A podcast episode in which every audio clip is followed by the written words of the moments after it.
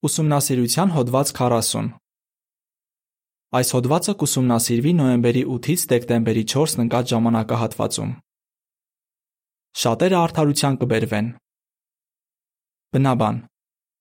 Շատերին արդարության բերողները աստղերի պես կշողան դարեդար հավիտյան։ Դանիել 12:3 Երկ 151 Նա կկանչի Այս հոդվածում Հոդվածում կքննենք Դանիել 12-ի 2 եւ 3 համարների ճշգրտված բացատրությունը։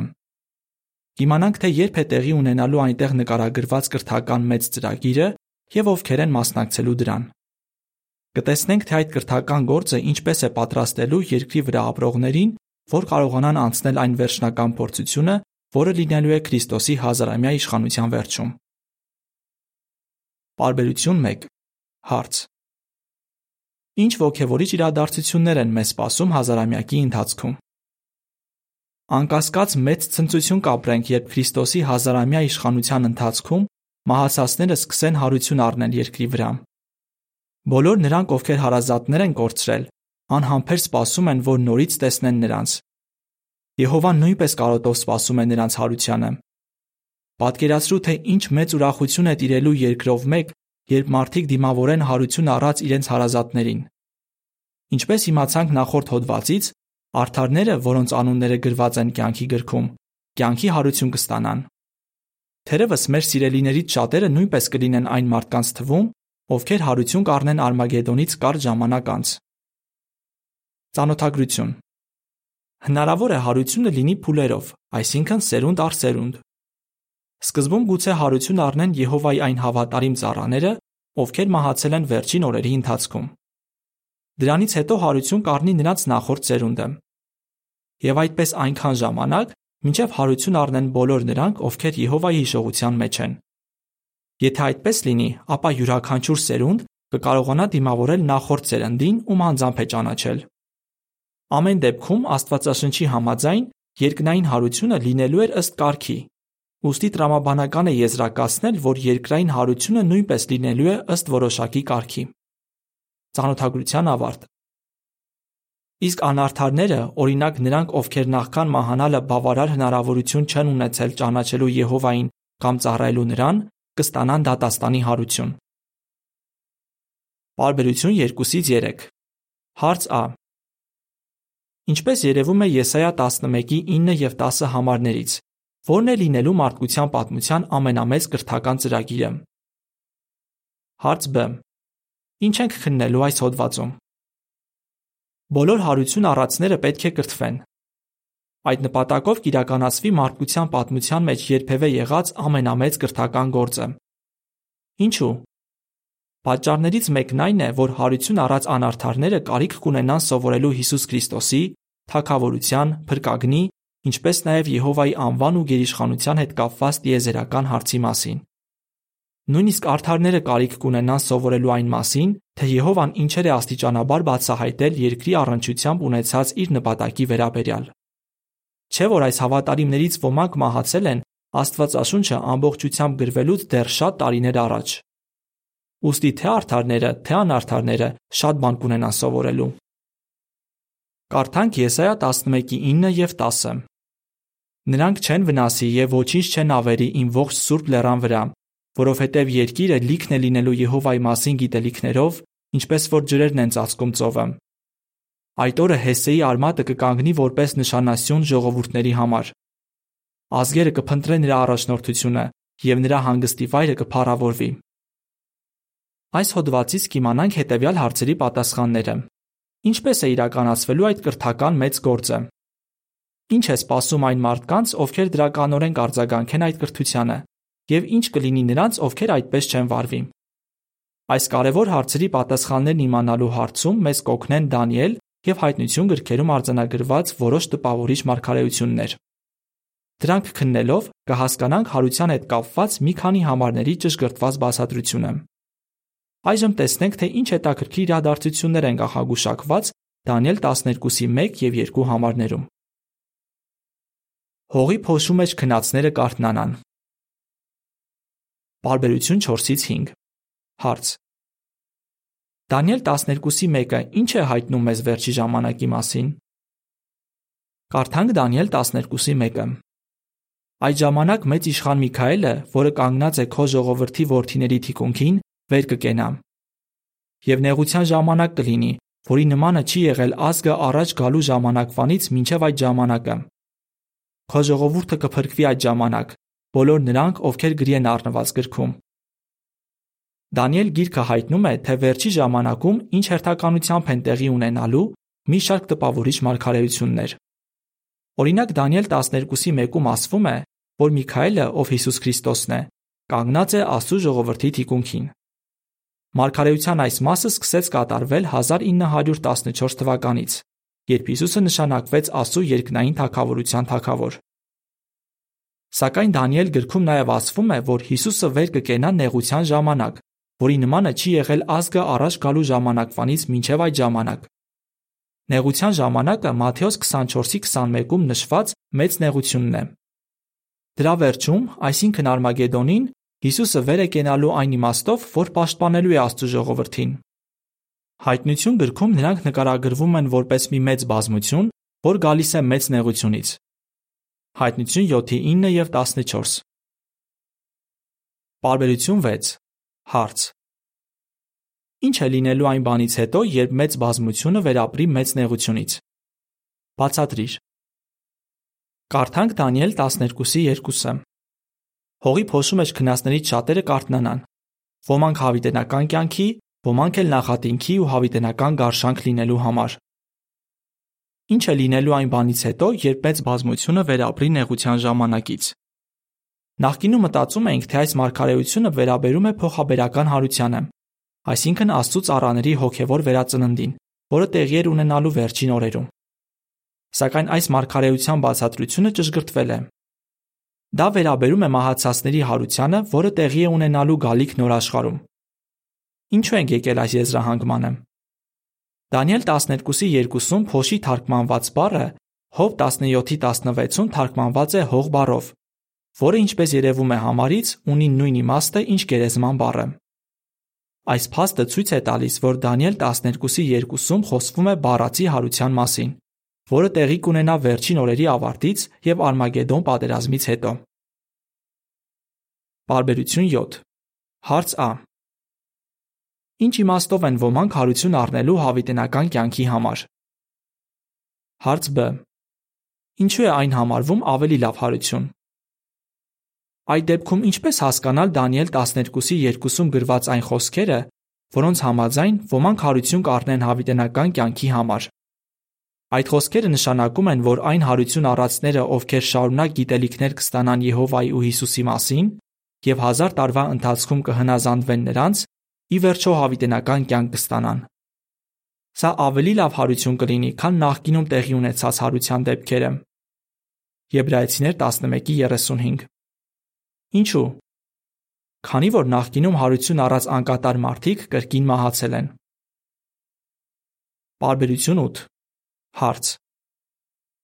Ինչ իմաստով են ոմանք հարություն առնելու նախատինքի ու հավիտենական գարշանք լինելու համար։ Սակայն ոչ բոլոր հարություն առածները կցանկանան կրթվել Եհովայի կողմից։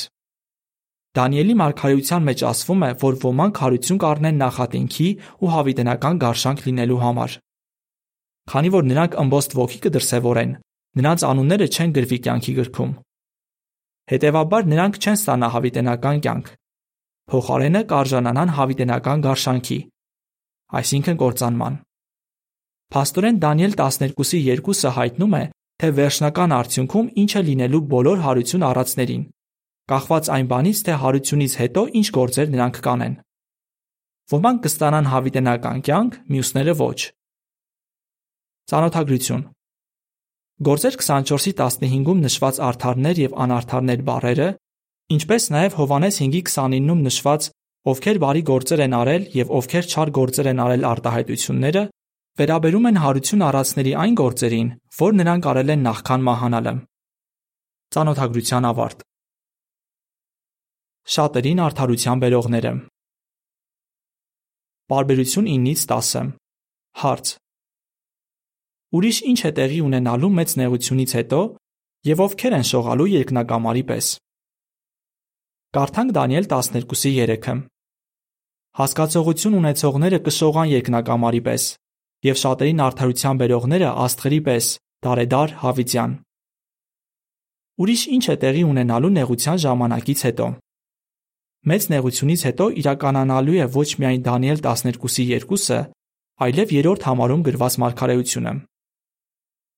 Իսկ ովքեր են շողալու երկնակամարի պես։ Մատթեոս 13:43-ը օգնում է մեզ հասկանալ, թե ում մասին է խոսքը։ Այդ ժամանակ արդարները արևի նման կշողան իրենց հոր թակավորության մեջ։ Այս խոսքերի համատեքստում Հիսուսը խոսում էր թակավորության որդիների, այսինքն իր օծյալ եղբայրների մասին, ովքեր իր հետ ծառայելու էին երկնային թակավորությունում։ Ոստի Դանիել 12-ի 3-ը վերաբերում է օծյալներին եւ այն աշխատանքին, որ նրանք անելու են հազարամյա իշխանության ընթացքում։ Բարբերություն 11-ից 12 Հարց. Ինչ գործ են անելու 144000 օծյալները 1000 տարվա ընթացքում։ Ինչպես են օծյալները շատերին արդարության բերելու։ Սերտորեն համագործակցելով Հիսուս Քրիստոսի հետ Նրանք առաջնորդելու են այն կրթական գործը, որն իրականացվելու է երկրի վրա 1000 տարվա ընթացքում։ 144 հազար օծյալները ոչ միայն լինելու են թագավորներ, այլ նաև քահանաներ։ Ոստի նրանք աջակցելու են ազգերին բուժելու գործին, օգնելով մարդկանց, որ աստիճանաբար կատարյալ դառնան։ Դա մեծ ուրախություն կբերի օծյալներին։ Նկարի մակագրության մեջ ասվում է. 144 հազար օծյալները սերտորեն համագործակցելով Հիսուս Քրիստոսի հետ առաջնորդելու են այն կրթական գործը, որն իրականացվելու է երկրի վրա հազար տարվա ընթացքում։ Ովքեր են լինելու այն շատերը, որ բերվելու են արդարության։ Նրանց թվում են լինելու հարություն առածները, Արմագեդոնից վերապրածները եւ այն երեխաները, որոնք ըստ ամենայնի կծնվեն նոր աշխարհում։ Հազար տարվա վերջում երկրի վրա ապրող բոլոր մարդիկ կլինեն կատարյալ։ Իսկ արդյոք մատիտով գրված նրանց անունները այդ ժամանակ անջնջելի թանակով կգրվեն կյանքի գրքում։ Վերջնական փորձություն Բարբերություն 13-ից 14 Հարց Ինչ պետք է անեն բոլոր կատարյալ մարդիկ, որ เป զի արժանանան հավիտենական կյանքի։ Պետք է հիշենք, որ կատարելությունը հավիտենական կյանքի երաշխիք չէ։ Ադամն ու Եվան էին կատարյալ, բայց հավիտենական կյանք ստանալու համար նրանք պետք է փաստեին, որ հնազանդ են Եհովա Աստծուն։ Ցավոք, նրանք այդպես չվարվեցին։ Հազար տարվա վերջում ողջ մարդկությունը կատարյալ կլինի։ Արդյոք նրանք բոլորը հավիտյան թիկուն կկանգնեն Եհովայի իշխանությանը։ Թե ոմանք Ադամի ու Եվայի պես կվարվեն,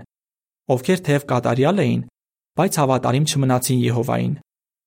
Տեսնենք, թե ինչպես է Աստվածաշունչը պատասխանում այս հարցերին։ Պարբերություն 15-ից 16 Հարց Ա. Ողջ մարդկությունը երբ հնարավորություն կունենա փաստելու, որ նվիրված է Եհովային։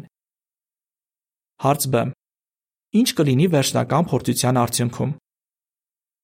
Սատանան հազար տարով բանտարկվելու է, եւ այդ ընթացքում ոչ ոքի չի կարողանալու մոլորեցնել։ Սակայն հազար տարվա վերջում նա ազատ է արձակվելու եւ փորձելու է մոլորեցնել կատարյալ մարդկանց։ Այդ փորձության ժամանակ բոլոր կատարյալ մարդիկ հնարավորություն կունենան հստակ ցույց տալու, թե արդյոք թիկունք են կանգնում Աստծո անվան եւ գիրիշխանության արդարացմանը։ Այդ ժամանակ յուրաքանչյուրի կայացրած որոշումը վճռորոշ դեր կխաղա այն հարցում, թե արդյոք նրա անունը վերջնականապես կգրվի կյանքի գրքում, թե ոչ։ Անհայտ թվով մարդիկ Ադամի ու Եվայի նման անհավատարիմ կլինեն Եհովային եւ կմերժեն նրա իշխանությունը։ Իսկ ինչ կլինի նրանց, Հայտնություն 20-ի 15-ում ասվում է. Նա, ով գրված չէր կյանքի գրքում, գրակի լիճը գցվեց։ Այո, ըմբոստները վերջնականապես կբնաջնջվեն։ Սակայն կատարյալ մարդկանց մեծամասնությունը հաջողությամբ կանցնի վերջնական փորձությունը, եւ նրանց անունները մեկ ընդմիշտ կգրվեն կյանքի գրքում։ Վերջի ժամանակի ընթացքում Բարբերություն 17 Հարց. Հրեշտակը ինչ հայտնեց Դանիելին մեր օրերի վերաբերյալ։ Դանիել 12-ի 4 եւ 8-ից 10։ Անչափ ողջևորիչ է խորհել ապագա իրադարձությունների շուրջ։ Սակայն հրեշտակը Դանիելին մեկ այլ կարևոր տեղեկություն հայտնեց, որը վերաբերում է վերջի ժամանակին, այսինքն մեր օրերին։ Կարդանք Դանիել 12-ի 4-ը եւ 8-ից 10-ը։ Դանիել 12:4 Իսկ դու ով Դանիել, այս խոսքերը գախնի պահիր եւ կնքիր գիրքը, ինչեւ վերջի ժամանակը։ Շատերը կքննեն այն ու ճշմարիտ գիտելիքները կշատանան։ 12:8-ից 10 Ես լսեցի, բայց չհասկացա, ուստի հարցրի. Ով իմ Տեր, ինչ է լինելու այս բաների վերջը։ Նա պատասխանեց. Գնա Դանիել, քանի որ այդ խոսքերը գախնի են պահված ու կնքված են մինչև վերջի ժամանակը։ Շատերը պիտի մաքրվեն, սպիտականան ու զտվեն։ Ամբարիշները ամբարշտություն կանեն, եւ ոչ մի ամբարիշ չի հասկանա, բայց հասկացողություն ունեցողները կհասկանան։ Նա Դանիելին ասաց. ճշմարիտ գիտելիքները կշատանան։ Այո, վերջին օրերում Աստծո ժողովուրդը ավելի լավ էր հասկանալու այս գրքի մարգարեական խոսքերը։ Հրեշտակը նաև ասաց, որ այդ ընթացքում ամբարիշները ամբարշտություն կանեն, եւ ոչ մի ամբարիշ չի հասկանա։ Բարբերություն 18 Հարց. Ինչ է շուտով լինելու չար մարդկանց։ Այսօր գուցե այնպիսի տպավորություն ստեղծվի, թե չարերը իրենց չար գործերի համար անպատիժ են մնում։ Սակայն շուտով Հիսուսը, որպես դատավոր, այցանման մարդկանց կզատի գառնանման մարդկանցից։ Այդ չար մարդիկ չեն վերապրի մեծ նեղությունից եւ նոր աշխարհում հարություն չեն առնի։ Նրանց անունները չեն գրվի հիշատակի գրքում, որի մասին նշված է Մաղաքիա 3:16-ում։ Բարբերություն 19 Հարց. Ինչ պետք է անենք հիմա եւ ինչու։ Մաղաքիա 3:16-ից 18 Հիմա է ժամանակը փաստելու, որ մենք չար մարդկանց թվում չենք։ Այսօր Եհովան հավաքում է նրանց, ովքեր իր հատուկ սեփականությունն են, այսինքն նրանց, ում նա թանկ է համարում։ Անկասկած մենք ցանկանում ենք նրանց թվում լինել։ Կարդանք Մաղաքիա 3:16-ից 18-ը։ Այդ ժամանակ Եհովայից վախեցողները խոսում էին իրար հետ, յուրաքանչյուրն իր ընկերոջ հետ, իսկ Եհովան ուրախadir լսում էր։ Եվ նրա առաջ հիշատակի գիրք էր գրվում Եհովայից վախեցողների ու նրա անվան շուրջ խորհրդածողների մասին։ Այն օրը, երբ նրանց իմ հատուկ սեփականությունը դարձնեմ, ասում է Զորքերի Տեր Եհովան, նրանք իմը կլինեն։ Ես կկարեկցեմ նրանց, ինչպես որ մարդն է կարեկցում իր որդուն, որը հնազանդվում է նրան։ Եվ դուք կրկին կտեսնեք արթարի ու ամբարշտի տարբերությունը, Աստուն ծառայողի ու չծառայողի տարբերությունը։ Բարբերություն 20 Հարց Ինչ խոստում է տրվել Դանիելին եւ ինչու ես անհամբերությամբ սպասում դրա իրականացմանը։ Իսկապես որ մենք ապրում ենք հետաքրքիր ժամանակներում, բայց շուտով ավելի տպավորիչ իրադարձություններ տեղի կունենան։ Մենք կտեսնենք, թե ինչպես է չարությունը արմատախիլ լինում Դրանից հետո ականատես կլինենք Դանիելին տրված Եհովայի հետևյալ խոստման իրականացմանը. Օրերի վերջում վեր կկենաս, որ ստանաս քո բաժինը։ Դանիել 12:3 Միթե անհամբերությամբ չես սպասում այն օրվան, երբ Դանիելը, ինչպես նաև քո սիրելի հարազատները հարություն կառնեն։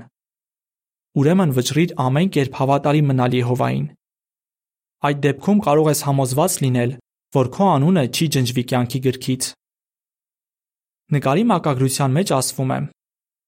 Անչափ ողքեվորիչ կլինի տեսնել, թե ինչպես են Դանիելը, մեր հարազատները եւ շատ ուրիշներ վեր կենում, որ ստանան իրենց բաժինը։ Կրկնության հարցեր։ Ինչպես կբացատրես հետևյալ համարները։ Դանիել 12-ի 1 Դանիել 12-ի 2 եւ 3 Դանիել 12-ի 4 եւ 8-ից 10 Երկուծուն Ճաշակեք եւ տեսեք, որ Եհովան բարի է։ Հոդվացի ավարտ